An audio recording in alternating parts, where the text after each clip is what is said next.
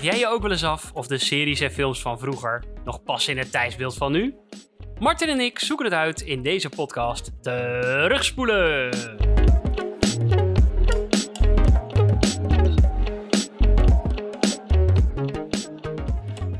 Hallo en welkom allemaal bij deze uitzending. Dit is denk ik alweer de dertiende Dat is editie. heel goed, 13. Wauw. Ongeluksgetal.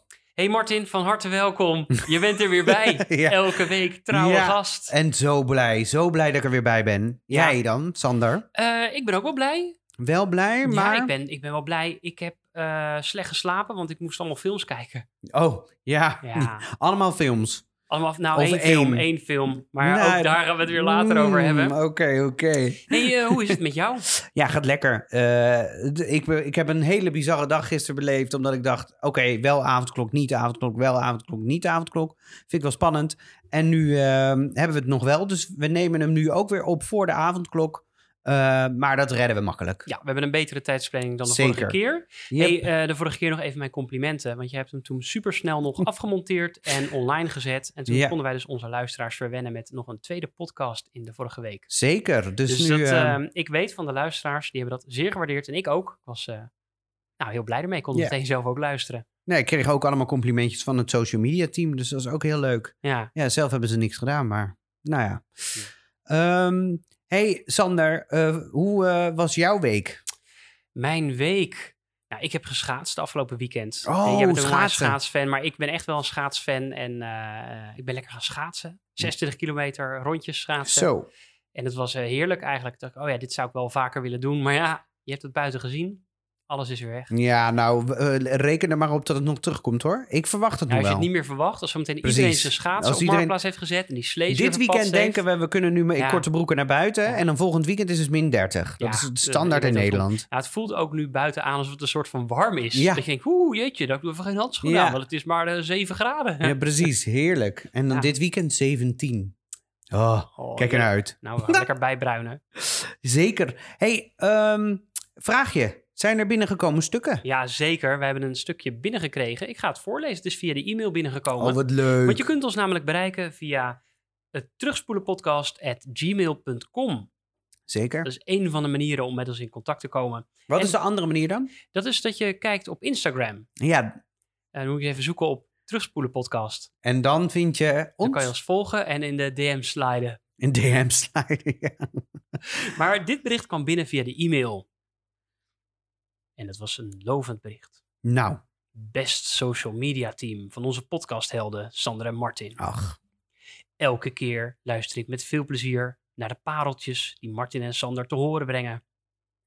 Aangezien de meeste films niet echt mijn smaak zijn, ben ik maar in de digitale pen gekropen en vraag ik bij deze een van mijn all-time favorites aan. Oeh. Waarschijnlijk hebben jullie al veel aanvragen binnengekregen en kunnen jullie al 100 miljoen miljard podcasts maken.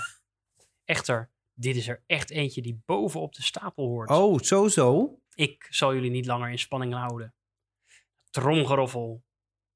Bij deze vraag ik een podcast aan over The Shawshank Redemption. Oh. Ik kijk uit naar jullie verslag van dit door Frank Darabont, een kort verhaal van Rita Hayward geregisseerde kunstwerk. Veel plezier met kijken. Groetjes, Stefan. Ah, dankjewel, Stefan. Ja, nou, dit waarderen wij zeer, want eh, hij komt gewoon op de lijst. Shawshank Redemption is toch met die gevangenis of is dat met die bank? Met die gevangenis. Gevangenis, oké. Ja.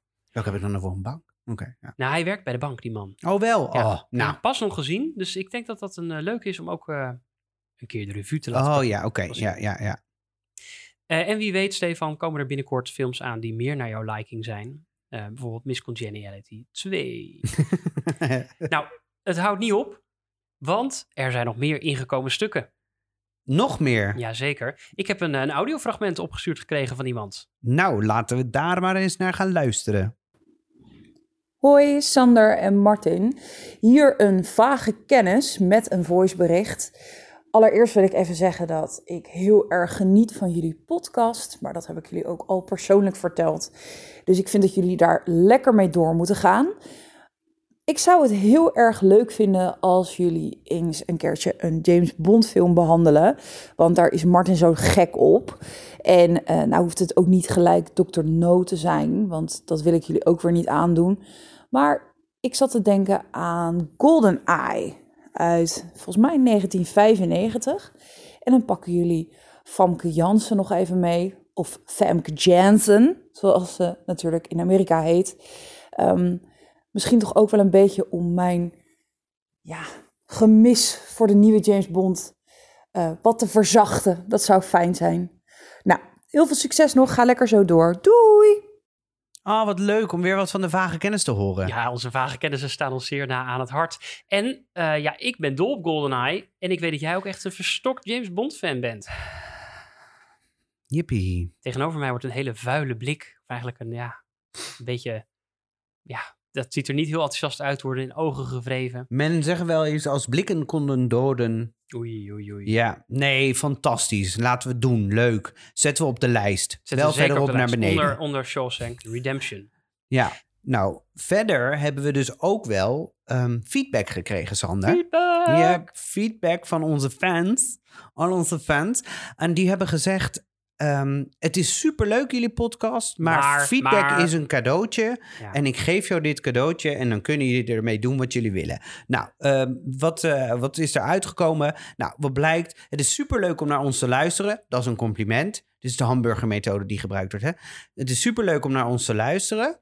Maar ze vinden de stukken waarop wij zeg maar, over de film praten leuker dan dat we de film helemaal doorlopen. Ja. Ehm, maar voor de rest, top. Doorgaan zo. Zie je? Dat is Nou, we gaan in ieder geval door. Dat stukje, dat bewaren we. Zeker. En we gaan ook wat doen, want wij zijn heel eager to learn. En we willen graag eh, dat jullie een leuke beleving hebben. Dus wat gaan we aanpassen? Ehm, we geven van tevoren, of we geven nu tegenwoordig geven een kortere synopsis van de film. Dus we gaan een heel klein stukje, we gaan er maar even globaal doorlopen. En daarna gaan we al gelijk eigenlijk onze mening en onze weetjes, feitjes en dingen gaan we bespreken. Nou, ik ben benieuwd hoe dat bevalt. We gaan het heel, heel binnenkort merken, want wij gaan eh, nu starten. Met The Abyss.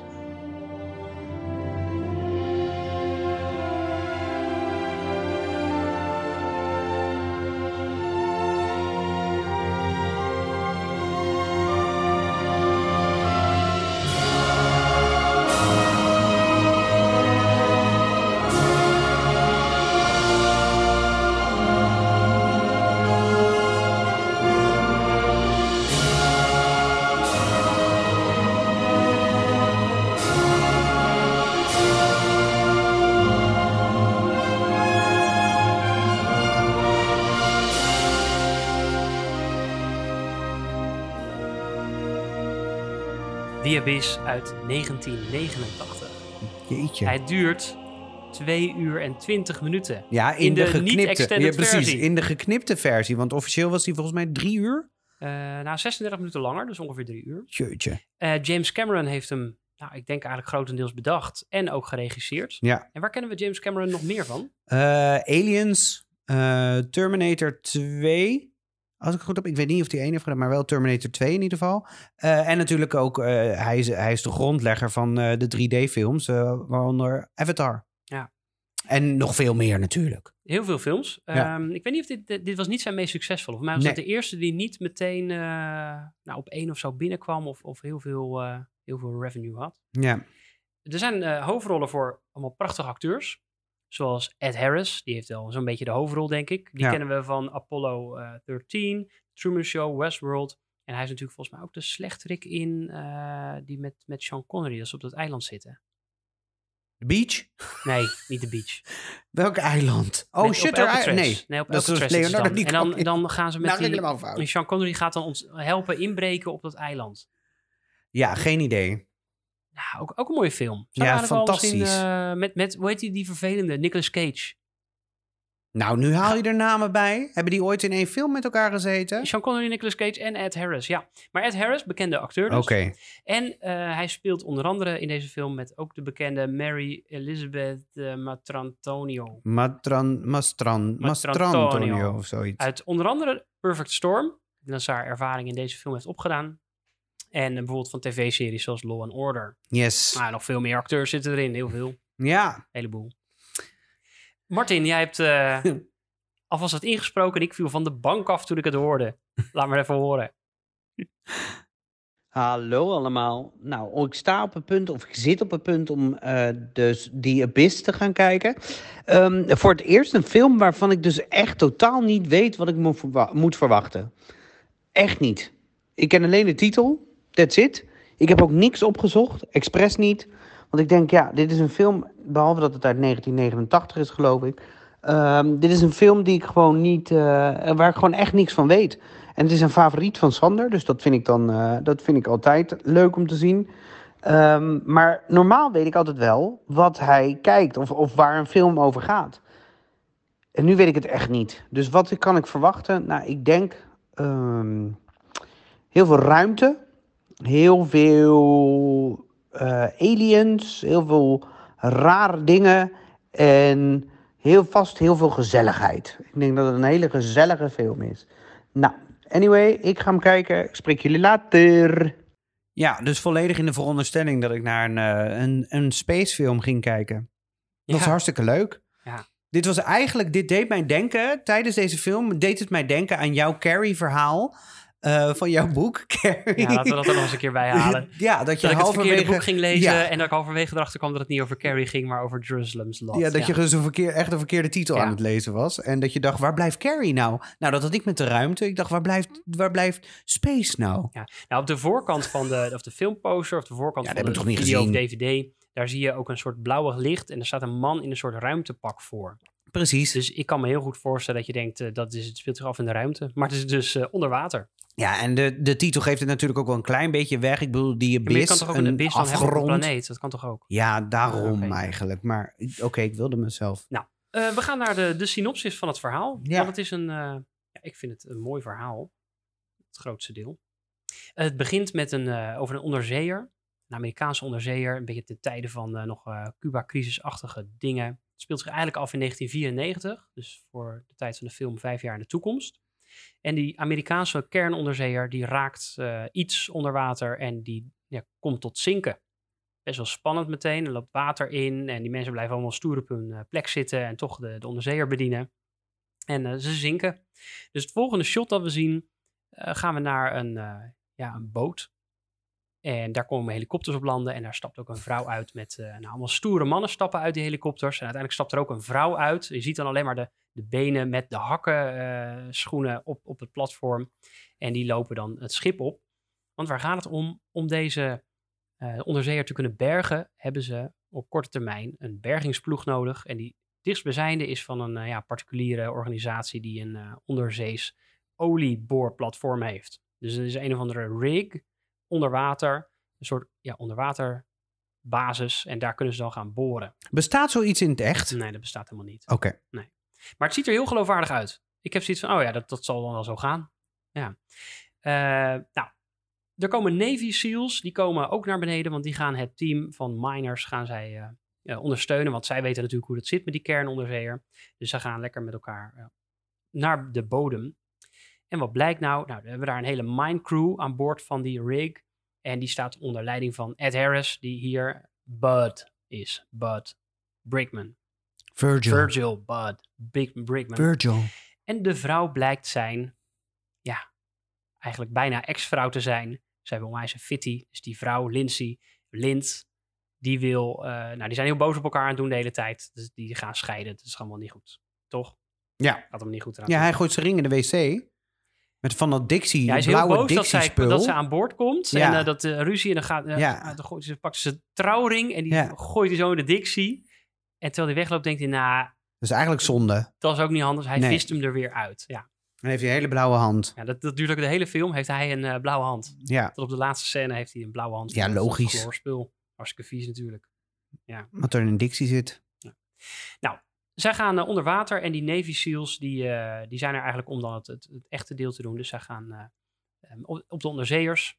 Ze hebben allemaal kleine en grotere onderzeeërtjes. Waar ze met een aantal mensen op en in kunnen. En van die afstand, op afstand bestuurbare Ja, van die dingetjes. soort rovers. Ja. En die, daar gaan ze naar de onderzeeër op zoek. En die vinden ze. Die ligt op zijn kant, ja, op de rand van een trog.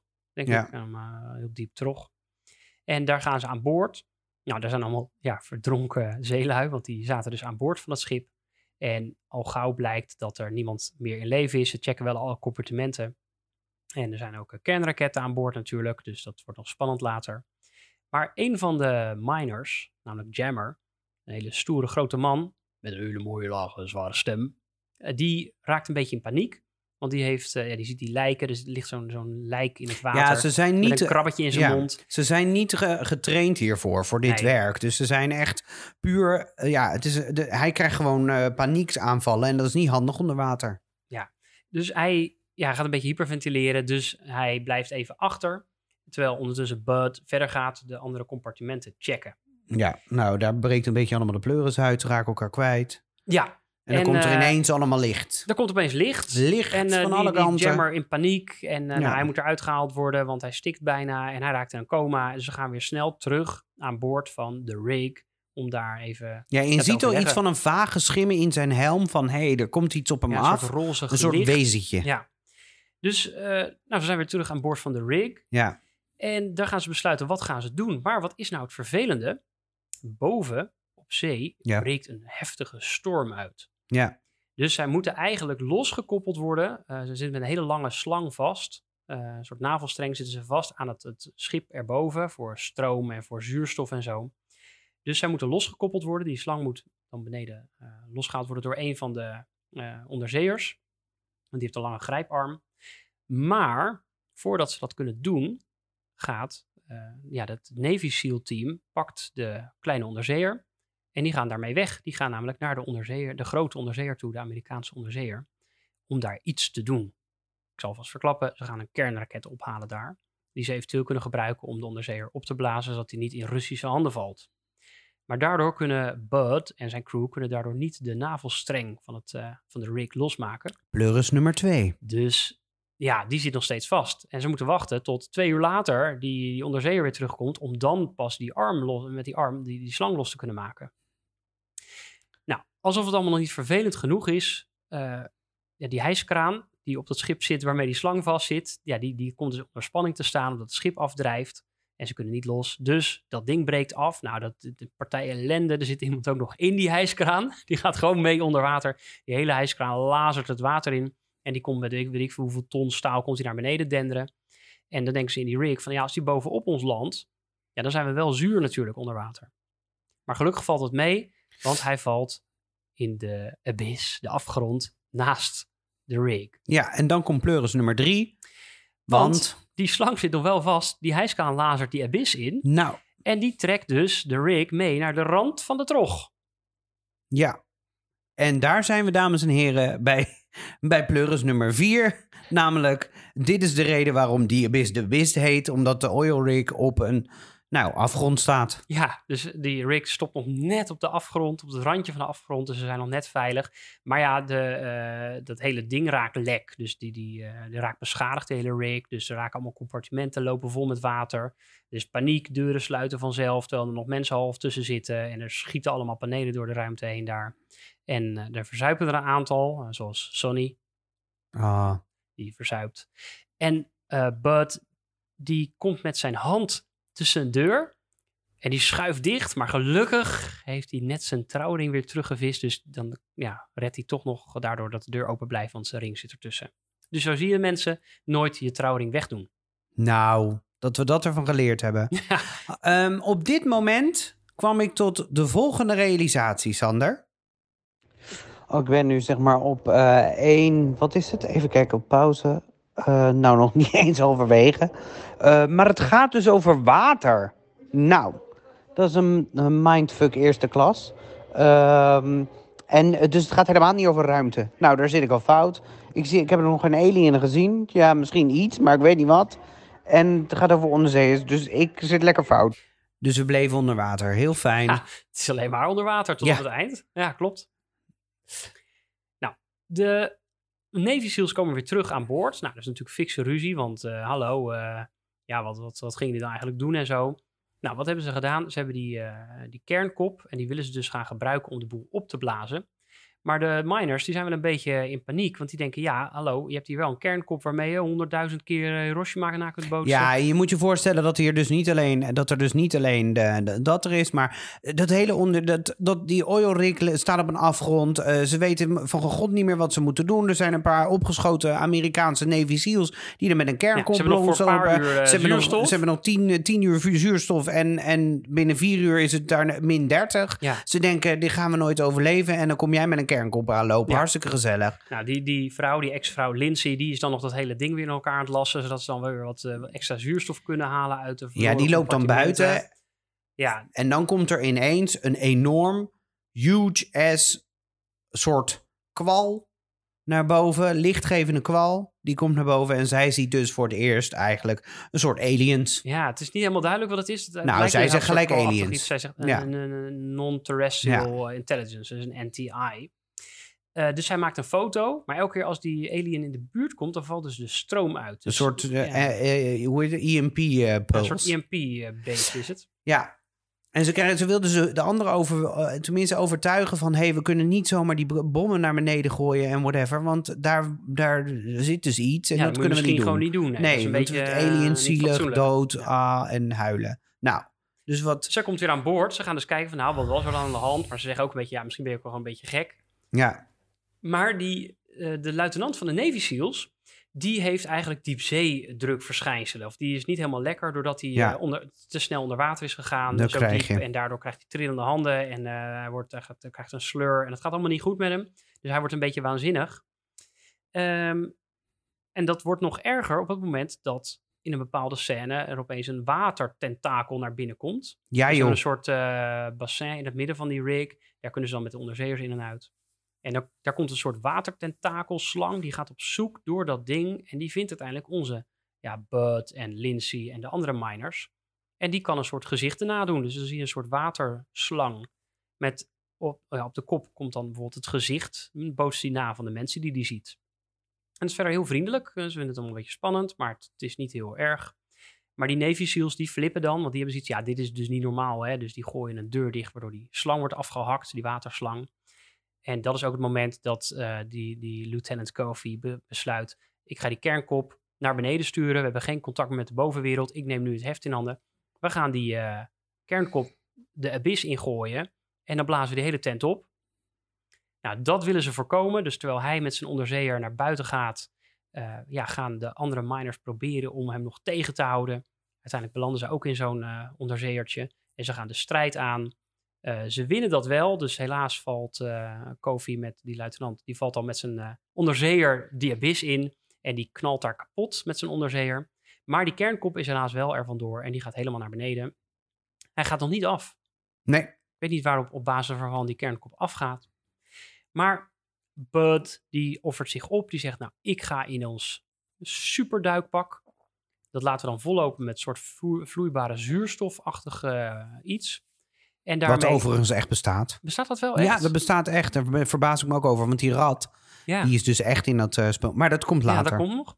Nou, hij daalt af. Hij heeft dan een toetsenbordje waarmee hij dan nog berichten naar boven kan typen. Want zijn longen zitten vol met die zuurstof, vloeistof. Dus hij kan niet praten, maar hij kan wel typen.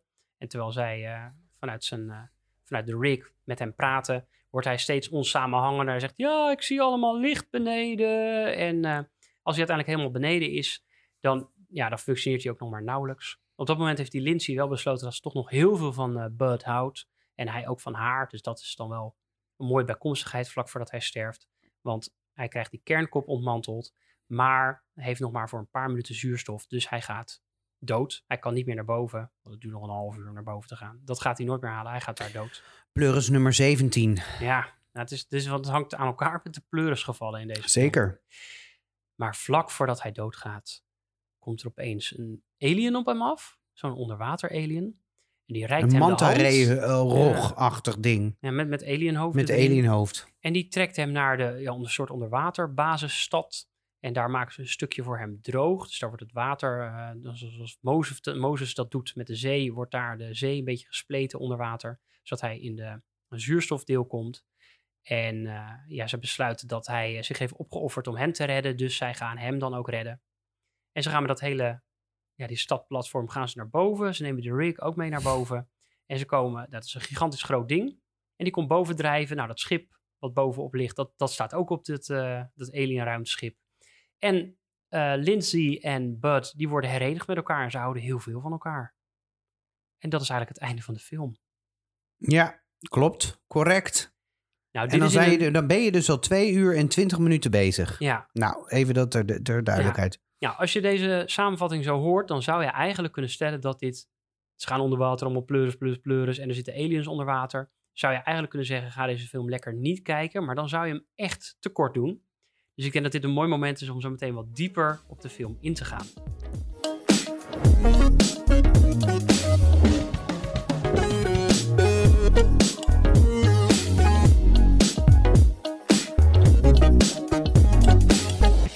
En ja hoor, wij doen het vanaf nu ook. Schaamteloze zelfbevlekking. Eh, maar we zouden het ontzettend fijn vinden als jullie ons sterretjes willen geven in jullie favoriete podcast-app. Dit kan via Apple Podcast, geloof ik, en Google Podcast en eigenlijk elke podcast-app behalve Spotify. Dus eh, vind je dit een toffe podcast? Geef ons dan even een, een goede beoordeling eh, en laat een leuke review achter. Vind je dit geen goede podcast? Luister dan niet en doe die sterretjes dan niet. Heb je een film of een serie die je ons graag aan zou willen raden? Laat het ons dan weten via Instagram terugspoelenpodcast of terugspoelenpodcast@gmail.com. Zo makkelijk kan het zijn.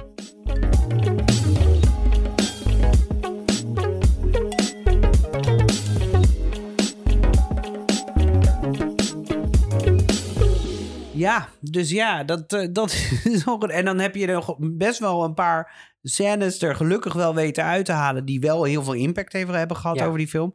Maar ehm, nou, laten we gewoon eens beginnen met wat vonden we eh, van de film? Nou, ik ben heel benieuwd, wat vond jij van de film? Wat vond ik van de film? Ik vond het een hele mooie film. Eh, ook dat ik, al had ik verwacht dat het in de ruimte al speelde, was het onder water, wat ook een soort ruimte is. Nou, superleuk. Ehm, nee, ik vond het een hele mooie film. Wat ik wel heel raar vond aan de, de film is dat hij is heel. ehm, eh, ja, hij, je begint er mi- eigenlijk middenin. Er is middenin al actie, namelijk die onderzeeër. Er is iets, er gebeurt iets. Die heeft dus al die, die, die wezentjes gezien, bla bla. En da- vanaf dat punt is, is, gaat het verhaal voor mijn gevoel echt over een verhaal. Dus ze moeten die, ze moeten die oil rig gaan, eh, of dan via die oil rig moeten ze dan die onderzeeër gaan, nou, ah, bla bla bla. En eigenlijk zit er een soort kantelpunt halverwege die film dat het alleen nog maar over die actie gaat. Eh, die, die ene gast die wordt gek onder water, Ja. onder water voor We ziekteverschijnselen. hebben dat onder water En het, met het, ja, dicht. er is eh, paniek en, en nou, de, dus eigenlijk alleen maar toen raakte, ik, raakte het mij ook kwijt. Want ik zat toen op een gegeven moment op mijn telefoon en ik dacht, ja, dit duurt te lang. Deze scènes duren te lang. En dat merk je nog aan films van vroeger, dat ze echt die nou, hele lange scènes rekken, weet je wel. Je hebt nog gewoon die tijd daarvoor. En ik heb dat nu niet, die, ehm, die tijd. die spanningsboog. Nou, die spanningsboog heb ik gewoon inderdaad niet. Dus ehm, ja, dat vond ik jammer. Eigenlijk tot aan, nou, vlak voor het einde van, van het verhaal, dat het weer spannend werd. Voor mijn gevoel. Ja, er ik gebeurde denk, weer wat echt anders. Ja, Ja. dat je denkt, oh ja, nu, nu snap ik het wel. Ik, op een gegeven moment heb je zoiets van, ja, ik weet het wel dat je onder water bent. Nou, kritiek op deze film is ook een beetje dat die, die hoofdrollen, dat die elke keer zonder al te veel gedoe zichzelf opofferen voor een groter doel. Ja, Zo heb je bijvoorbeeld de scène, dan zitten Linz en Bud zitten samen in die, eh, nou, een soort gecrashed onderzeeërtje, nadat ze net dat gevecht hebben gehad met eh, de slechterik. En dan loopt die onderzeeër langzaam vol met water. ja, Dus er zit een heel krappe kleine onderzeeër. Eh, die Bud die heeft nog zijn duikpak aan, maar zij niet. En dat ding is echt zo lek als een mandje. En er spuit aan alle kanten water naar binnen. Ja, en zij zijn zo ver van die rig vandaan dat ze niet veilig terug in die rig kunnen komen. En ze hebben maar één duikpak. Ja, wat doe je dan? Nou ja, ze, ze gaan dan nadenken van wat voor oplossing hebben we. Maar uiteindelijk zegt die Lins van, nou weet je wat we kunnen doen? Ik ga dan hier, eh, verdrink ik, want het water is heel koud. Dus dan kom ik in hypothermia. En dan sleep jij mij terug naar de rig en dan reanimeer je me daar. ja. Nou, ik vond het wel een soort van heftig, Mhm. want dat ding loopt voller en voller. En zij bedenkt op een laatste moment dat ze nog maar een Toch heel liever- klein stukje aan. Ja, dus misschien eigenlijk toch niet zo'n heel goed idee. Ik wil Ja. het eigenlijk toch niet. Ik vond dat wel heftig. En die Bud vindt het ook helemaal niet leuk. Want die ziet, ja, ik, eh, ik hou heel veel van haar. Dus ja, ik vind het best wel erg dat zij hier gaat verdrinken. In de hoop dat we haar kunnen reanimeren. Ik vond wel spannend daaraan dat ik op dat moment dacht van, nou, eh, het ziet er niet uit alsof ze dat gaat redden. Dus ze Hm. gaan haar dan reanimeren en eh, ze gaan heel lang eh, eh, mond-op-mond eh, beademing doen en met zo'n zo'n hoe heet zo'n stroomschokkenapparaat. Nou ja, dat- Defibrillator. defibrillator. ja, ja. Ja, ja, dat is een defibrillator. Zeg dan maar eens drie keer naar elkaar. Ja. Ehm, dat vond ik dan wel weer een spannend moment, maar het, het stikt van de momenten die, die spannende momentjes zeg maar opleveren. Nou, ik weet Nou, niet of het spannende dat momentjes het, dat het zijn. dus een aaneenreiging is. Ja, het is elke keer, het is een beetje een soort pleisterwerk wat je de hele tijd aan het doen bent. Je bent de hele tijd aan het kijken naar hoe zij pleisterwerk aan het toepassen zijn. En het grotere doel, ik snap het niet. Ik snapte aan het begin al niet van waarom moeten die mensen zo nodig die onderzeeër vinden? Wat is daar nou mee? Waarom wordt het, dat hele idee is niet, is, komt niet over. En dat achteraf, nadat ik dus me ga- ben gaan verdiepen in deze film, weet ik waardoor dat komt. Omdat ze een groot gedeelte van het subplot gewoon eruit geknipt hebben, omdat die anders te lang werd. Ja. Het, het, Hij is nog steeds te lang, maar dat, wat ze eruit gehaald hebben was wel functioneel voor het verhaal. het was een heel verhaal met als achtergrond de Koude Oorlog. En daar dus ook een heel stuk over nou, het gevaar en, en, en zeker ook de, ehm, de noodzaak om die onderzeeër dus Ja. ook onschadelijk te Ja, maken. dat Want je dus wel kunt stellen dat eh, als je dit verhaal dus anno nu kijkt, waarin er helemaal niet zo, er is niet een wapenwedloop tussen Russische en Amerikaanse kernonderzeeërs. nee, Ja, daar kun je af, dat wordt ook helemaal niet echt ingeleid. Het is helemaal niet dreigend. Je hebt dit, ja, die onderzeeër zinkt. Ik dacht, ze gaan dat doen om die mensen te redden. ja. Maar dat is helemaal niet het doel, dus hij mag niet in Russische handen vallen. Nou, die, die heftige noodzaak die komt bij mij echt niet meer over. Nee, nou ja, dat is dus eigenlijk de algemene indruk van, eh, van deze film. Maar, Sander, laten we dan nu gaan naar waar deze podcast om draait. Gelukkig na 27 minuten kunnen we dat doen, 28 minuten. Namelijk het, eh, nou, de, de criteria voor eh, terugspoelen. Ehm, willen we hem nog een keer terugspoelen? Nou, dat is de vraag. Ehm, verhaal, wat vinden we daarvan? Past het verhaal nog in deze tijd? En eh, nou, wat vind je van de opbouw en de dialogen, de snelheid en de gelaagdheid? Sander, ik begin bij jou. Nou, het is, het is, qua verhaal gaat het allemaal in het begin best wel lekker vlot. Ja, Dus zeker in het begin. andere films hebben dat je denkt, nou, er wordt eindeloos opgebouwd en Ja. er gebeurt niks, is het hierbij eigenlijk wel gewoon lekker vol in de actie. Ja. Je verveelt je in het begin echt niet. Je zit er lekker in. Het, is, het zijn, ik vind het smeuig eh, hoe dat allemaal gebeurt. Ik vind eh, ja, dat op zich wel heel boeiend. Ik vind eh, grappig dat dan tussen die Lins en die Bud, die hebben dan allemaal ruziescènes in die gangen. En dat lijkt een beetje op Han en Lea op de Echo Base, weet je, waar ze dan de hele tijd ruzie aan het maken zijn met elkaar. En ondertussen loopt die halve crew daar door die hele smalle gangetjes langs ze heen. En zo gaan ze van gang naar gang. Maar past het nog in de tijd en heftigheid met kernonderzeeërs die anders een oorlog veroorzaken? Nou, dat denk ik niet echt. Nee, maar daarom hebben ze dat er ook uitgehaald. Maar Ja. wat blijft er dan nog over? Ja, daar blijft dus over best wel. Ik vind het wel een spannende onderwaterfilm. Met op het eind opeens een stel aliens die alles in één keer oplossen. Nou, dat, ja. Ja, Ik vind het echt mooi. Ik vind die film en dat die misschien wel wat lang duurt op sommige momenten. Dat vind ik tot daar naartoe. Maar dat op het eind. Aliens. Oh, prachtig die opoffering. We komen met onze lelijke ruimteschip nu naar boven. Nou, dat gaat er bij mij echt. ik zei nog aan het einde hier op, mijn, ba- op de bank in mijn eentje. zei ik nog, als ze nou nog gaan zeggen dat dit Atlantis is, dan echt waar. Dan brand ik hem helemaal Nou, dan af was het misschien nog een soort van eh, verklaard geweest. Maar nu is het echt Vreselijk. eigenlijk heel random. Ja, Dus ja. Nou, ik vond, als ik heel eerlijk ben, ik vond, eh, ik vond het verhaal vond ik echt flinterdun. Nou, flinterdun is een groot woord, maar ik vond hem dun dat ik elke keer denk, ja, we zitten nu te kijken naar hoe je onder water blijft overleven. Ja, en een onder soort overlevingsfilm. met zuurstof en water. En, eh, En er komt een subplot bij dat er een soort Ja. aliens zijn. En het rare vind ik, ehm, als we dus in die afgrond eh, zakken, als die, de hoofdpersoon in de afgrond zakt, ehm, dan heeft hij een typemachientje. Een, Ja, een, een soort toetsenbordje. toetsenbordje op zijn arm. Daarmee kan hij naar boven communiceren. Hij communiceert naar boven. Hij zegt: Ik wist dat dit een one-way ticket was. eh, dus dat ik niet meer terug zou komen, want eh, zijn zuurstof is bijna op. Die eindscène, die nu overblijft. Want ik heb niet de extended versie, ge- versie gekeken. Goddank. Maar ik heb de normale versie gekeken. En die was eh 2 uur en 20 minuten. En die laatste, ehm, het laatste scène daarin, dat die aliens dat, dat stukje eh, zuurstof voor hem brengen, zeg maar.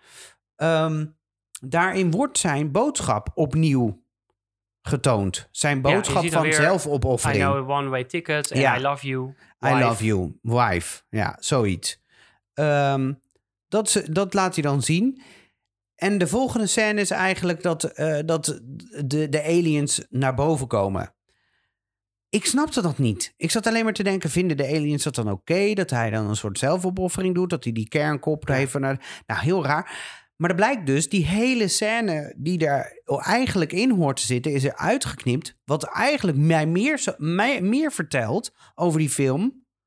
dan over was gebleven. Ja, want wat zij eigenlijk laten zien, in die extended versie zie je dat wel, is dus dat je allemaal ziet hoeveel oorlog, dreiging en eh, allemaal dat soort enge dingen er is. Precies. En dat zij eigenlijk zoiets hebben van, nou, wij vernietigen gewoon het leven op aarde. En daarom, want was jullie die, zijn het niet waard. en daarom was die storm al zo heftig ja, op want zee. die wordt dus opgebouwd om alle eh, ja, beschaving van aarde zo'n beetje weg te vagen. Met, eh, met een Enorme tsunami. vloedgolven en dergelijke. Maar omdat hij zich dus opoffert voor de aliens, ja, hebben ze dan, bedenken ze zich. Ja. Maar dat is nu helemaal onlogisch. Nou, er is het echt is geen echt- enkele reden dat, Nee. dat hij zich opoffert om die aliens te redden. Nee. Er is echt geen reden. En dat was ook niet de reden waarom hij dat deed. Dus het was heel raar. Heel raar. Omdat, ja, eh, hij heeft eigenlijk geen motief nee. om dit te doen.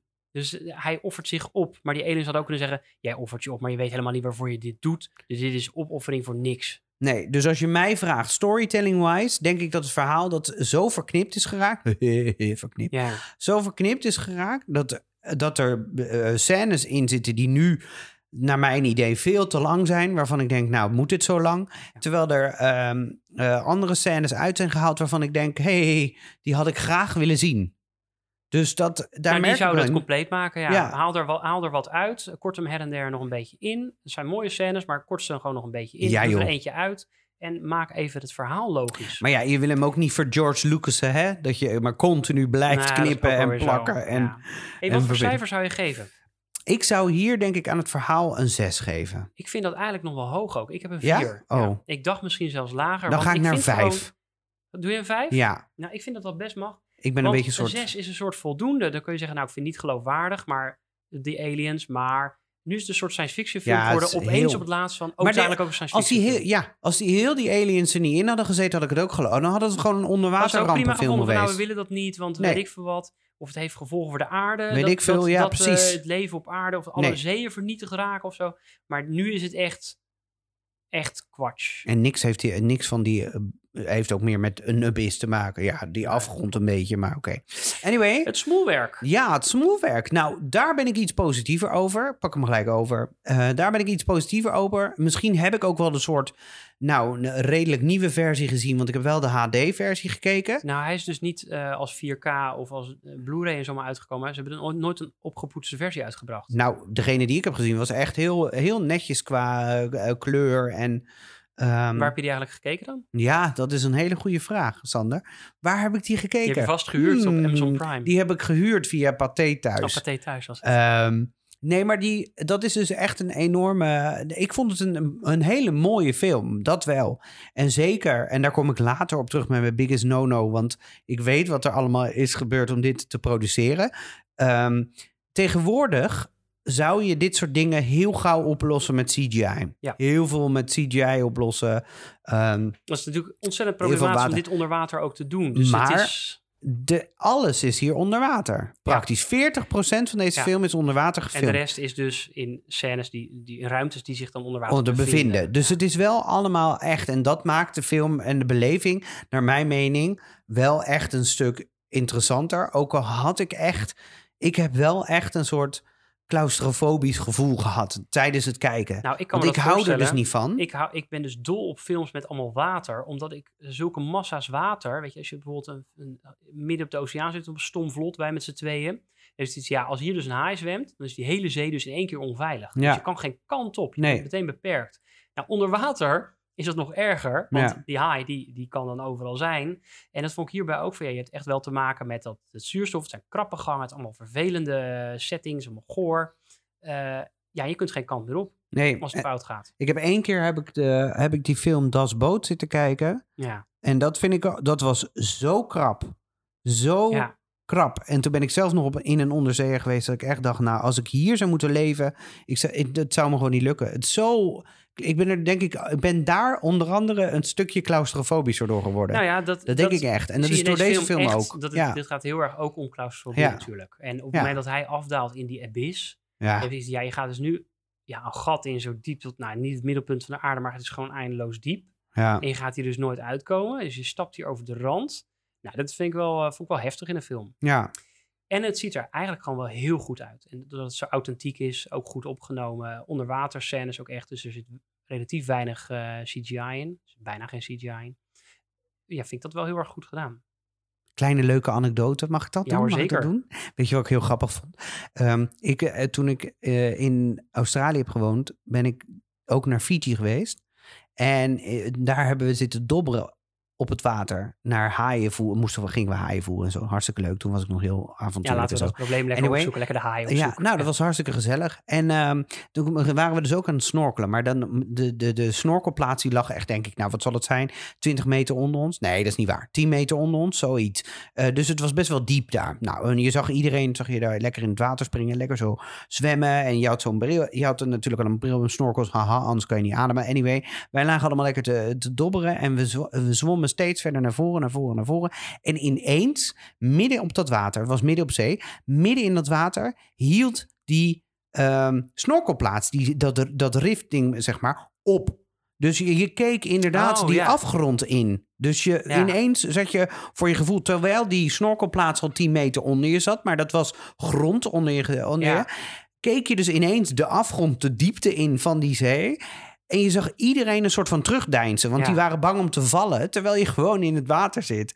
En ja, gewoon het is door niet dat je kan. daar ingezogen wordt Nee. in één keer omdat het diep is. Maar er was niks meer. Het werd Nee. gewoon zwart. En, en dat vond ik, dat heeft deze film wel mooi weergegeven. Dat je op een gegeven moment echt zo diep gaat. Eh, die af, dat aftellen ook van de diepte. Dat is heel mooi gedaan. En ik denk dat dat in deze tijd zeker nog wel past. En hij ziet er gewoon, eh, gewoon heel, heel goed uit. Zeker. Dus ik denk Ik wil de special effects. Die aliens zien er een beetje niets echt... Nou, het is niet super, super dat handje. imponerend. Ja, dat handje. Nou, dat handje ging dan Dat handje. hoe die hoofden, dat hij zo oog knippert. Die, die Typische. waterslang, nou die Ja. waterslang vind ik op zich ook nog wel oké. Die waterslang Ja. is dus wel echt state of the art. State of the art. Nou, ze hebben daar onwijs lang aan gewerkt. Daar heeft de film nog Zes een maand vertraging maanden. door opgelopen. Zes maanden Ja. aan een waterslang, dames en heren. Door de Islands Industrial Light and Magic. Oh ja. Nee, ik, hoeveel wat zou je het geven? Ik geef het een 9. Een 9. Ja, ik vind het echt dat het er heel goed Oké, uitziet. ik een 8, sorry. Maar ook onder water en zo, hè? Ja, nou, ik geef nooit negens. En Oké. tienen. Ja, ik vind een 8, nee, vind ik al best mooi. Nou, ik vind het gewoon een Glimlach. 9 hoor. Hoor? hey, en inclusiviteit. Ja, Ah, ik denk dan aan eh, blanke man met blanke vrouw, blanke helpers. Nee hoor, niet allemaal. Eén eh, one night is dan een eh, getinte mevrouw. Eh, Ja. Ja, het is niet een super inclusieve film. Nee. Maar wederom gaat het daar ook niet om. Maar als je, als je het echt... En daar hebben we natuurlijk altijd het, het thema inclusiviteit over. Als je het zou vertalen naar deze tijd... zou dat niet meer zo zijn als nu. Want het zijn echt heel veel... Het zijn gewoon heel veel blanke acteurs... Ja. met heel veel blanke, blanke mensen. Er is één zwarte vrouw zit er geloof ik in. En in het begin zit er één zwarte man in. En voor de rest is het bijna... Ja, in die onderzeeër. En voor de rest is er, eh, is er, Ah, geen, is er geen te vinden. Nee, En dat zou je tegenwoordig zou je dat niet meer doen. Daarnaast gaat het ook wel, moet ik zeggen, niet om deze karakterontwikkeling. Er zit hier geen karakterontwikkeling in, geen diepte in. Behalve dan tussen die Lindsay en die Bud, die dan eh, een ex-relatie hebben en toch weer verliefd op elkaar. Zo'n flinterdun echt standaard verhaaltje. flinterdun. Dat ik altijd al denk, eh, oh ja, nu moeten ze alleen nog even gaan zoenen. En ja hoor, de laatste scène is dat ze gaan zoenen. Dan denk En ik, je weet al oh, daardoor bijna zeker van, ja, hij gaat wel in die afgrond en hij komt er nooit meer uit. Maar eigenlijk is het op dat moment al dat je denkt, ja, maar dit verhaal, met dit flinterdunne verhaal, Ja, dat waarschijnlijk toch wel goed af. En als, dus hier er een, eh, en als hier een deel 2 van zijn geweest, dan zou die, zou die Buttel na vier jaar weer gewoon met. eh, na vier jaar is nog lang, bij twee jaar gewoon weer buiten de boot hebben gepist. En dan zou die Lindsay weer alleen zitten. En dan zou die But helemaal niet in de film zitten. En dan zijn ze Nou, nog uit elkaar. Niet, het he- is helemaal zo. helder waarom zij uit elkaar zijn. Ja, het is ook zo want het is, dan, ongelooflijk. het is niet omdat ze, ze vreemd gingen, maar zij is dus een tough lady, want zij is een iron lady, want zij eh, wil zich dan Volgens mij- manifesteren als een zakenvrouw. Nou, wat ik, me er, wat ik eruit begreep was, had, had zij de boorplatform boorplatform gemaakt en hij is erop gaan zitten. En dat was, en dat was een beetje het hele principe. Zij wilde dat zelf en dat deed en het werd naar hem geschoven of zoiets. Of zo. Nou, het is en niet dat- echt een heel goed verhaal. Oh man, ik denk dit. Ja, sorry, maar daar zou ik echt. Ik word. Ik heb nu zoiets. eh, eh, liever jij, niet jij wilde zes punten geven voor het verhaal. Ja, voor het verhaal. Nou, ja, oké, dat is wel vier- waar. Naar de vijf Ja, afgezakt, want dat kan je toch ook niet verkopen aan de Nee, daar heb je wel een punt. Heb je wel een punt. Inclusiviteit, ja, dit is ook een vier, maar het heeft het ook, daar heeft ook niks mee te maken. Dus je gaat voor een vier? Ja? Noteer hem. Eh, ik ga ook voor een vier. want Ik vind, het is, het Ja. is ook, ook nodeloos niet inclusief. En het, is, het gaat eigenlijk Maar er zit ook gewoon geen karakterontwikkeling in. Nee. En daar gaat deze film ook niet om. Maar toch, het gaat er hier alleen maar om dat hele probleem is. Nou, thematiek. Kan de thematiek nog? Nou, dit vind ik een hele spannende. Nou ja, dit, de thematiek is natuurlijk dat het over eh, de Koude Oorlog achter gaat. Nou, dat past nu niet, maar dan zou je kunnen zeggen, historisch gezien was dat toen wel zo. Maar het wordt in de film eigenlijk gewoon zo zwaar onderbelicht, dat je kan denken, ja, dit, is hem- dit probleem speelt helemaal niet. Ik kan me ook niet inleven in dat het in die tijd Nee. zo was. Je moet het echt zelf bedenken, je moet een paar geschiedenisboeken naast leggen over de Koude Oorlog. En dan denk je, het zal wel hiermee te maken hebben. Ja. En in een beetje film, als je bijvoorbeeld denkt aan GoldenEye, nou daar gaat het eh, tussen de Russen en de Amerikanen. Nou, alsof dat, dat is ook niet, maar daar wordt het zo dik aangezet dat dat, dat dat echt een heftige strijd is tussen de twee. Dan vind ik die thematiek wel kunnen. Maar in dit geval is het eigenlijk van, ja, je hebt geen idee wat er aan de hand is. Nou, de vraag is inderdaad, de vraag is ook, wat is, the- wat is het thema hier? Is het, eh, Je zou dus kunnen zeggen van, ja, als we dus in contact willen komen met aliens die ons een beetje voor ons het aankijken, dan, dan laten wij ons niet van onze beste kant zien. Maar ja, wat hebben die aliens daar te zoeken en wa- waarom zouden die over ons lot mogen beslissen? ja, blijkbaar, blij- blijkbaar zitten zij dus, wonen zij dus al langer op deze planeet. zo. Nee, je weet helemaal niks van die, van die aliens. nou, Het gaat er meer om dat eh, wat ik wel mooi vind aan als je eh, tenminste als je met alle scènes erbij zou kijken, ik ga het niet nog een keer doen, maar met die 26 minuten erbij, dan krijg je dus wel een subplot over we, Ja. wij mensen vernietigen onze eigen aarde en omdat de aliens ook op onze aarde wonen en daar ehm, daar eigenlijk ver- diep in onze aarde en die denken ja, eh, er wordt daar straks alles wordt daar verwoest en wij wonen hier ook. Verwoesten wij de mensheid maar, want dan wordt onze planeet niet verwoest. Eigenlijk zeggen En ze dus, wij zijn net zo slecht als de mensheid, maar Nou, wij zijn eerder. Nee, maar dat ze. Nee, nou ja, misschien. Maar dat doordat die gast eh, zichzelf opofferde, daardoor die tekst van. eh, ik wist dat dit een Ja. one-way ticket. Om die bom onschadelijk te maken, die hun dan ook waarschijnlijk zou aantasten, hebben ze hem dan gered en Ja, brengen ze vind een soort contact met de ben ik er nu mensen. ook uit qua cijfer. Want zij gaan dus op basis van één iemand beoordelen. Zij denken dus dat de hele mensheid, de hele mensheid bestaat uit moordzuchtige Ja. ploerten. Alleen, alle kinderen, vrouwen, mannen, allemaal zijn het allemaal wraakzuchtige moordenaars. Nou, ik heb jou tegenover me. Ik denk aan mezelf, we zijn dat nou bepaald niet. Nou, alleen met planten En ik vermoord. denk dat er heel veel mensen begaan zijn met de natuur en met, met vrede. Ik denk meer dan andersom. Maar die aliens, die zien dus een kernraket. Dus Ja. die sluiten de conclusie. Oh, de hele mensheid is een Ja. slechte bedoeling. En die, die vernietigen we. Maar er blijkt toch nog ook één iemand goed te zijn. En daarom doen we het toch niet. Wat is de oplossing hier nou van? Ik vind het eigenlijk gewoon, het slaat gewoon nergens op eigenlijk. Ja, ja oké. Ja, nee, mee eens. Ik vind het, eh, de thematiek zou die nu kunnen, eh, zoals nu. Ik denk dat die op de, bepaalde delen wel zou kunnen, als je het verhaal gewoon versterkt. Maar eh, het thema nu is echt, echt niks. Nee, en dat gaat er in de film eigenlijk gewoon niet over. Nee. Ik, ga, ik ga een 2 geven. Een twee? Ja, er is het toch is geen jouw thematiek? favoriete film. Nee, maar ik vind het een mooie film. Ik vind het onder water Nou, gebeuren allemaal leuk en mooi spannend. Vinden mensen ook leuk dat je kritisch bent? Ja, dat vinden ze leuk. Is dat leuk? Ja, dat horen we ga ik- straks. ga, ik Ga je dat één- zo zeggen? één- één. Nee joh. Want het, het is gewoon... Weet je nog de laatste keer dat je een 1 gaf? Wat, toen- wanneer was dat? Nee, dat was niet tijdens het terugspoelen. Oh, inderdaad, dat was een andere jurylid. ja, nou, dat doen we niet. Oké, dat is een onderrondje, vertellen we een de andere keer. Omdat er ergens latent wel zit van... Er, Er zat, er zat eigenlijk wel Ja. wat achter, maar dat hebben we er gewoon niet in gedaan. Dan doe ik een 3. Ik ben softer. Oh ja, jij bent Ja. een beetje de, Ja. de zachte. Nou, Nou, dan ga ik de punten optellen en dan Ja. ga jij ondertussen de tijd vullen. Ja, nou, eh, dan wil ik alvast beginnen eh, met eh the biggest no-no. Ehm, the biggest no-no. Nou, ik moet echt. Ik, ik, was dus ook, ik ben dus ook benieuwd, want ik mo- moet dan ook mijn feitjes en mijn weetjes kennen. En eigenlijk zijn mijn weetjes een beetje verbonden aan die biggest no-no. Want ehm, deze film heeft zo'n onge- is zo'n ongelofelijke shitshow achter de schermen geweest. Ja, dat is, dat De- is wel weer ik wil, waard. ik wil dus onze luisteraars dit alsjeblieft meegeven. Ik heb het helemaal uitgetypt. Ik, ik wil jullie dit dus allemaal even meegeven. Wat achtergrondinformatie, wat weetjes. En dan kom ik uiteindelijk bij mijn biggest no-no uit. Dus ehm, bear with me. Yes. Oké, het gaat dus om. eh, eh, James Cameron is dit begonnen omdat hij ooit eens een quote heeft. Naar aanleiding van een quote van Fr- eh, Friedrich Nietzsche. Eh, When you look into an abyss, eh, the abyss also looks into you. En hij wilde een film ehm, schrijven waarin het zowel ging om een letterlijke abyss, dus een letterlijke afgrond, maar ook een psychologische afgrond.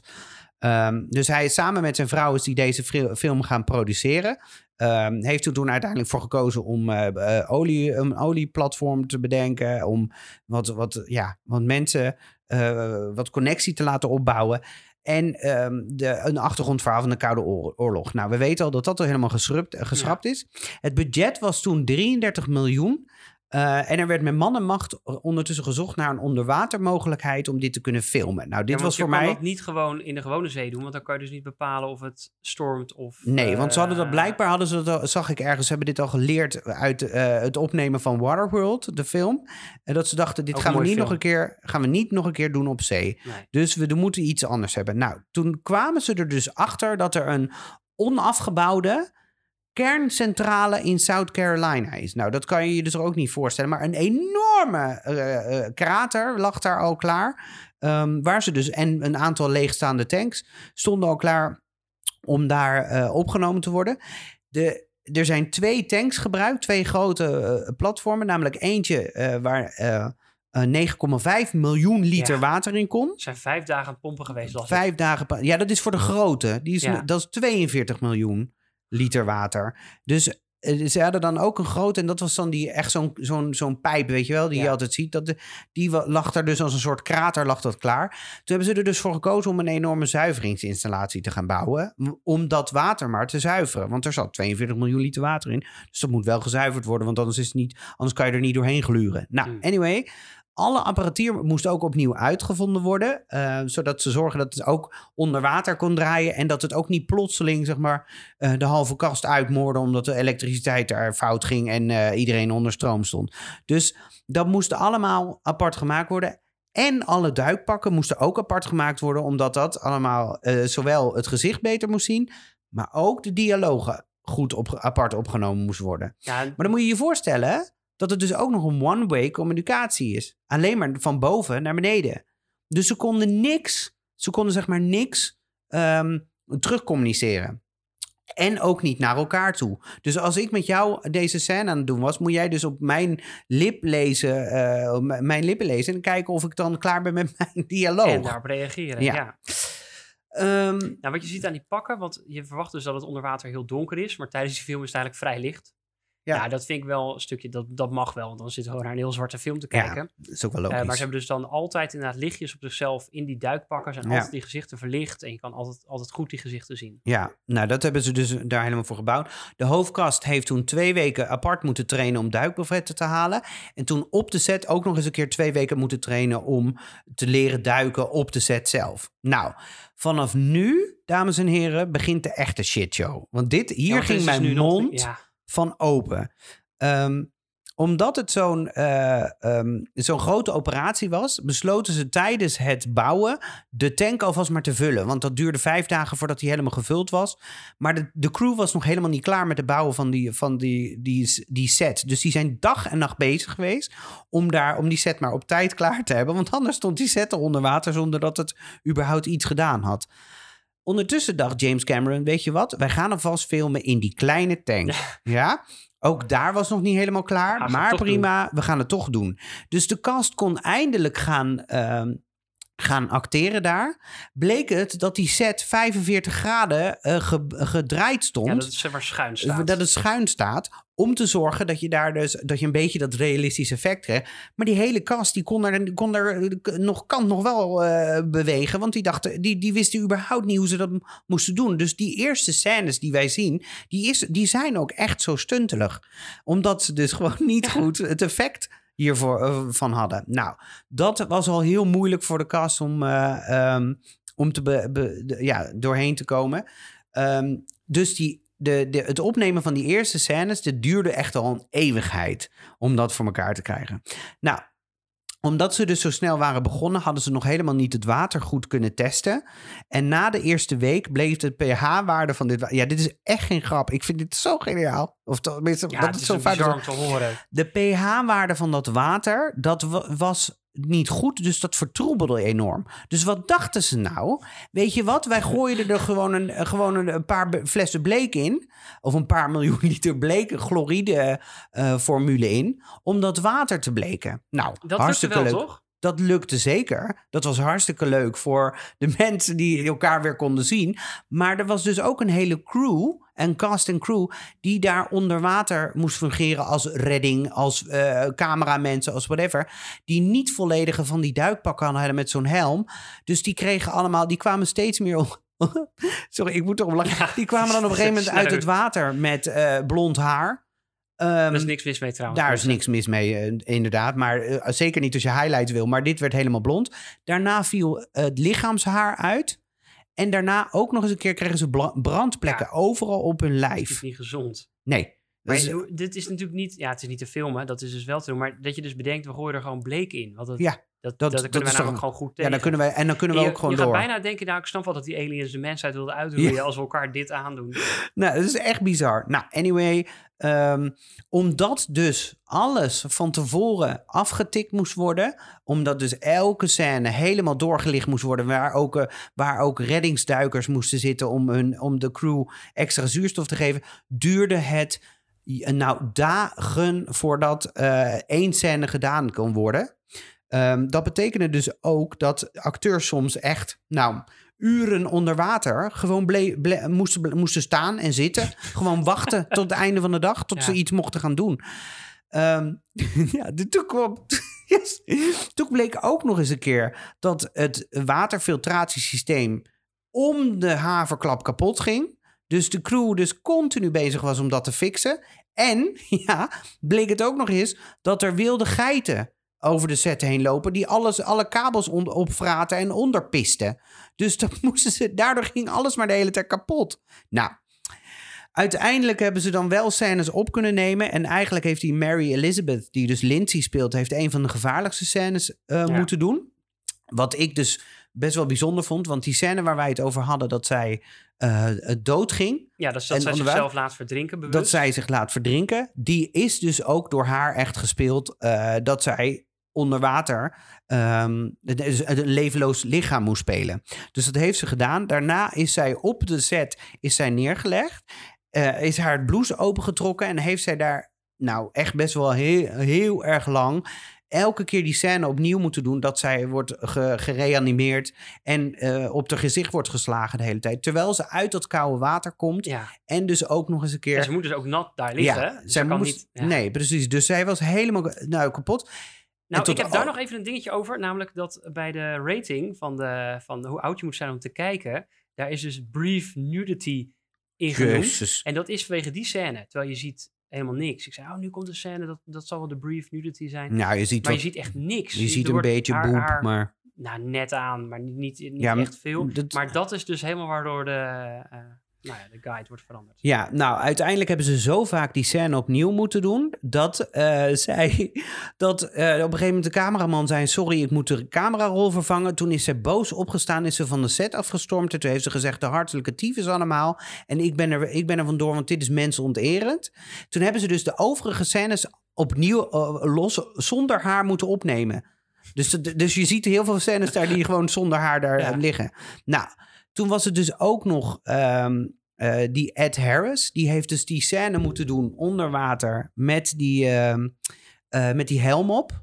Ja, dat Eh, hij die vloeibare ik, dacht, zuurstof- ik dacht dat je dus hetzelfde effe- effect kreeg als zo'n zo'n bierbeker die je vroeger wel eens had. Met zo'n dubbele wand waar dan zo'n Oh ja. laagje water in zat. Dat dat het zo gedaan was. Nee, ze lieten dus elke keer die helm inderdaad vollopen. Met water. En hij moest die scènes spelen met zijn adem ingehouden. Nou, dan, dan heb je mij al. Dan denk ik al, hoe kan je dit bedenken? Ehm, maar op een gegeven moment zakt hij dus die klif af. En die klif, dat is zo schuin gefilmd. Dus hij, hij wordt er eigenlijk aan de zijkant zo eh, voor- voorbij getrokken. Hij zakt die klif af. En tijdens, dat, eh, tijdens die, eh, die, die, die scène ehm, raken zijn reddingsduikers raken verstrikt in de draden die hem eigenlijk zijn vuurstof moeten, zouden moeten voorzien uiteindelijk. Dus om de zoveel tijd moet hij een soort van hap van zuurstof krijgen. Op de een of andere manier moet hij zijn helm leeg laten lopen en weer vol laten lopen. Om dan eh, eh, ja, een Ja, het zuurstof is echt krijgen. bizar voor de mensen die het nog niet kunnen volgen. Nee, hij, zit, echt- hij, heeft dus, hij zit dus onder water in Ja. het duikpak en hij heeft een helm En op waar met water, in zit. Nou, dat is echt. En ehm, die, die reddingsduikers raken dus in paniek, maar die geven hem dus net op tijd zeg maar, zijn afstandsbediening. Maar in plaats van dat ze hem goed aangeven, geven ze hem op zijn kop aan. Dus die helm loopt alleen maar voller met water en in plaats van leeg. Dus hij, kreeg geen adem, hij krijgt echt geen adem meer. En net op het laatste moment heeft een andere reddingsduiker hem kunnen redden. Nou, die man die is na, de, na deze ervaring is hij van de set afgestormd en is hij echt nou, kapot gegaan van de dood. Ze zeiden zijn ook er- daarover, the abyss was a lot of things. Fun to make is not one of them. Ja, nou, dat is, het, dat is het ook letterlijk. Nou, ehm, de, er zijn nog meer dingen gebeurd. Als in, er zit een soort zwa- zwart scherm over, dat, over dat, die hele tank heen. om het donker te laten zijn Ja. in het water. Dat eh, eh, stopte ermee, dat werkte niet meer. Dus ze moesten s'avonds op gaan nemen. Maar doordat ze s'avonds opnamen, werd het water weer steenkoud en te koud. Dus ze kregen ze weer onderkoeling. Nou, dus ongelooflijk. ehm, eh, eh, ja, wat, wat ze daar allemaal voor nodig hadden. En tot overmaat van ramp hebben ze ook nog gezegd, heeft James Cameron ook nog gezegd, die waterslang, die dus uit het Ja, die met- vanuit dat schip ja, eh, naar, eh, dus de. CGI-versie, daar heeft hij dus zes maanden over gewerkt om die 45 seconden Oh, ja, te maken. Ehm, en toen heeft hij gezegd van nou, dat- er was hij zo lang mee bezig dat hij dacht van weet je, ehm, ik, eh, eh, toen heeft op een gegeven moment de executive van Fox heeft gezegd, die is naar, naar hem toegekomen, die zegt of jij gaat nu die film releasen, of je gaat naar alle, alle 2500 theaters en je gaat er zelf uitleggen waarom dit allemaal zo lang duurt en waarom het dus je kies je, kies je dingen. En toen heeft hij hem uiteindelijk heeft hij hem gesneden en wel ehm afgezet. Nou, en toen was die 54 miljoen euro leverde die op, terwijl die toen al 33 had gekost, maar en, dat, en dat 10 ging miljoen kwam er al bij. Ja. Dus dat was 43 miljoen heeft gekost. Dus al met al zo'n ongelofelijke shit show. Dat, ik, dat mijn biggest no-no eigenlijk ligt in deze, in deze nou, aanloop van deze opname. Van deze, dat ik denk, dit is eigenlijk, gaat dit te ver om, jou, om jouw kast dit te vragen om te doen. Zo. Ja, nou ja, dat het Mijn niet betoog. fatsoenlijk is om deze film te maken. Nee, op deze Nee, manier. het kan echt niet meer Ik moet tegenwoordig. toch zeggen, we hebben relatief lage cijfers gegeven, maar ik vond het toch wel ook wel een gave film om te zien. Dus kijk hem vooral wel hoor, beste luisteraars. Ja, oké. Hij was echt leuk om te zien. Ehm, dus ja, Nou, wat mijn, niemand gelooft dit trouwens. mijn biggest no-no, eh, die vond ik lastig. Want eigenlijk, nou, wat, wat ik het mooiste vond eigenlijk, wat mij is bijgebleven, is die hand die in die blauwe Glorix heeft gezeten. Dat hij de hele Ja. film blauwe hand heeft. Dat vond ik echt hilarisch. En- Consistentie. Ja, kom maar dat meteen weer. eh, dat heeft hij dus ook al die tijd gehad. Ehm, maar mijn biggest no-no is toch echt van eh, als je dingen nou niet zo, dingen mystiek en dingen die een beetje schimmig en eh, onbekend zijn en zo, hou dat dan ook een beetje onduidelijk en onbekend. En wat ik echt heel lelijk vind is dat dat ruimteschip, whatever het is, gaat naar boven. Nou, het is sowieso onder water vond ik hem nog wel mooi, maar hij komt dus boven water. soort, eh, Hij neemt die rig mee, terwijl die zit op de rand van de abyss. Dus hoe komt hij dan midden op dat ja, dat vond ik ook zo'n raar verhaal. ze gaan naar boven zonder decompression. En dan zeggen ze, oh, dat, dat zal ze Ja. de NTI Oh ja, wel gedaan die- hebben. Dat vond ik ook zo'n raar verhaal, ja. En nou, Had niet gehoeven. Ze hadden ook kunnen zeggen, nou... We, dat, ze hadden dat- het ook gewoon kunnen negeren. Precies, Ze had ja. het maar niet genoemd of zo. Nee. Van, nou ja, inderdaad, we gaan inderdaad dood, want we zijn niet Ja, gedecompressed. nou, dit Maar is- nu is het echt zo, oh ja, ze hebben een soort stralen naar ons toe gedaan, Nou. waardoor we niet decompressen. Nee, echt, dat vond ik... Dus het einde was niet meer... Misschien Nee. moet J- eh, ehm, James Cameron eens lesjes nemen bij J.J. Abrams. Die weet mystiek heel goed op te bouwen. Ja. Zeker in zijn tv-shows. Ja, nou, dat, daar, dat zou inderdaad mooi zijn om dat met terugwerkend te doen.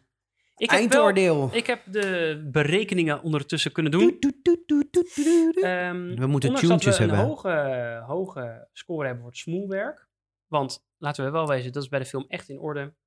En is op zich wel een redelijk verhaal. Hebben we verder vrij lage cijfers gegeven, waardoor wij op een duidelijke 4,9 komen. Dit is e- echt een van de slecht Ja. scorende films ever. We moeten eens een lijstje maken met alle films onder elkaar. Ja, 4,9. En we waren het redelijk eensgezind. Dus dat is ook wel leuk voor eh, de luisteraars die dat fijn vinden als wij eensgezind zijn. Nou, ik zal dan heel eerlijk zeggen, eh, kijk de film als je tijd over hebt. In deze lockdown heb je er vast nog tijd genoeg voor. Nou, Waar- als je een spannende film met onderwater wil, en niet, dat het niet over haaien gaat en zo, die een beetje geloofwaardig Deep op Deep Sea, laatste Deep Blue moment, Sea. dan moet je deze kijken. Ja, en dat kan nu dus alleen op dit moment via eh Pathé Thuis. Kun je hem dus huren of kopen. Ja, of En je of komt bij anders- mij langs en dan kan je de DVD meekrijgen. Ja, de eh, dvd's. Je kan natuurlijk ook gewoon dvd's kopen. Ja, Sander. En dan zijn we aan het einde van deze podcast. Ik denk dat het ook wel genoeg is geweest met deze hele shitshow. Ja. Die we, ik wil nu een, ehm, ik wil nu een iets betere film. Nou, zullen we dan maar een pareltje pakken? Oh, ik ben heel Als we een film pakken die nou gebaseerd is op een, eh, een novelle of een schrijven van iets, dat zou ik heel mooi vinden. Hmm, Harry Potter. Nou, nee, nee, nee. Oh. nee. Het lijkt wel een beetje op, hoe het derde boek van Harry Potter? Eh The Prisoner of Azkaban. Nou, dat is een mooi bruggetje. Oh, Want eh, ik heb besloten dat wij eh, ja, luisteren naar onze luisteraars. En dat wij de volgende keer de Shawshank Redemption terugspoelen. terugspoelen.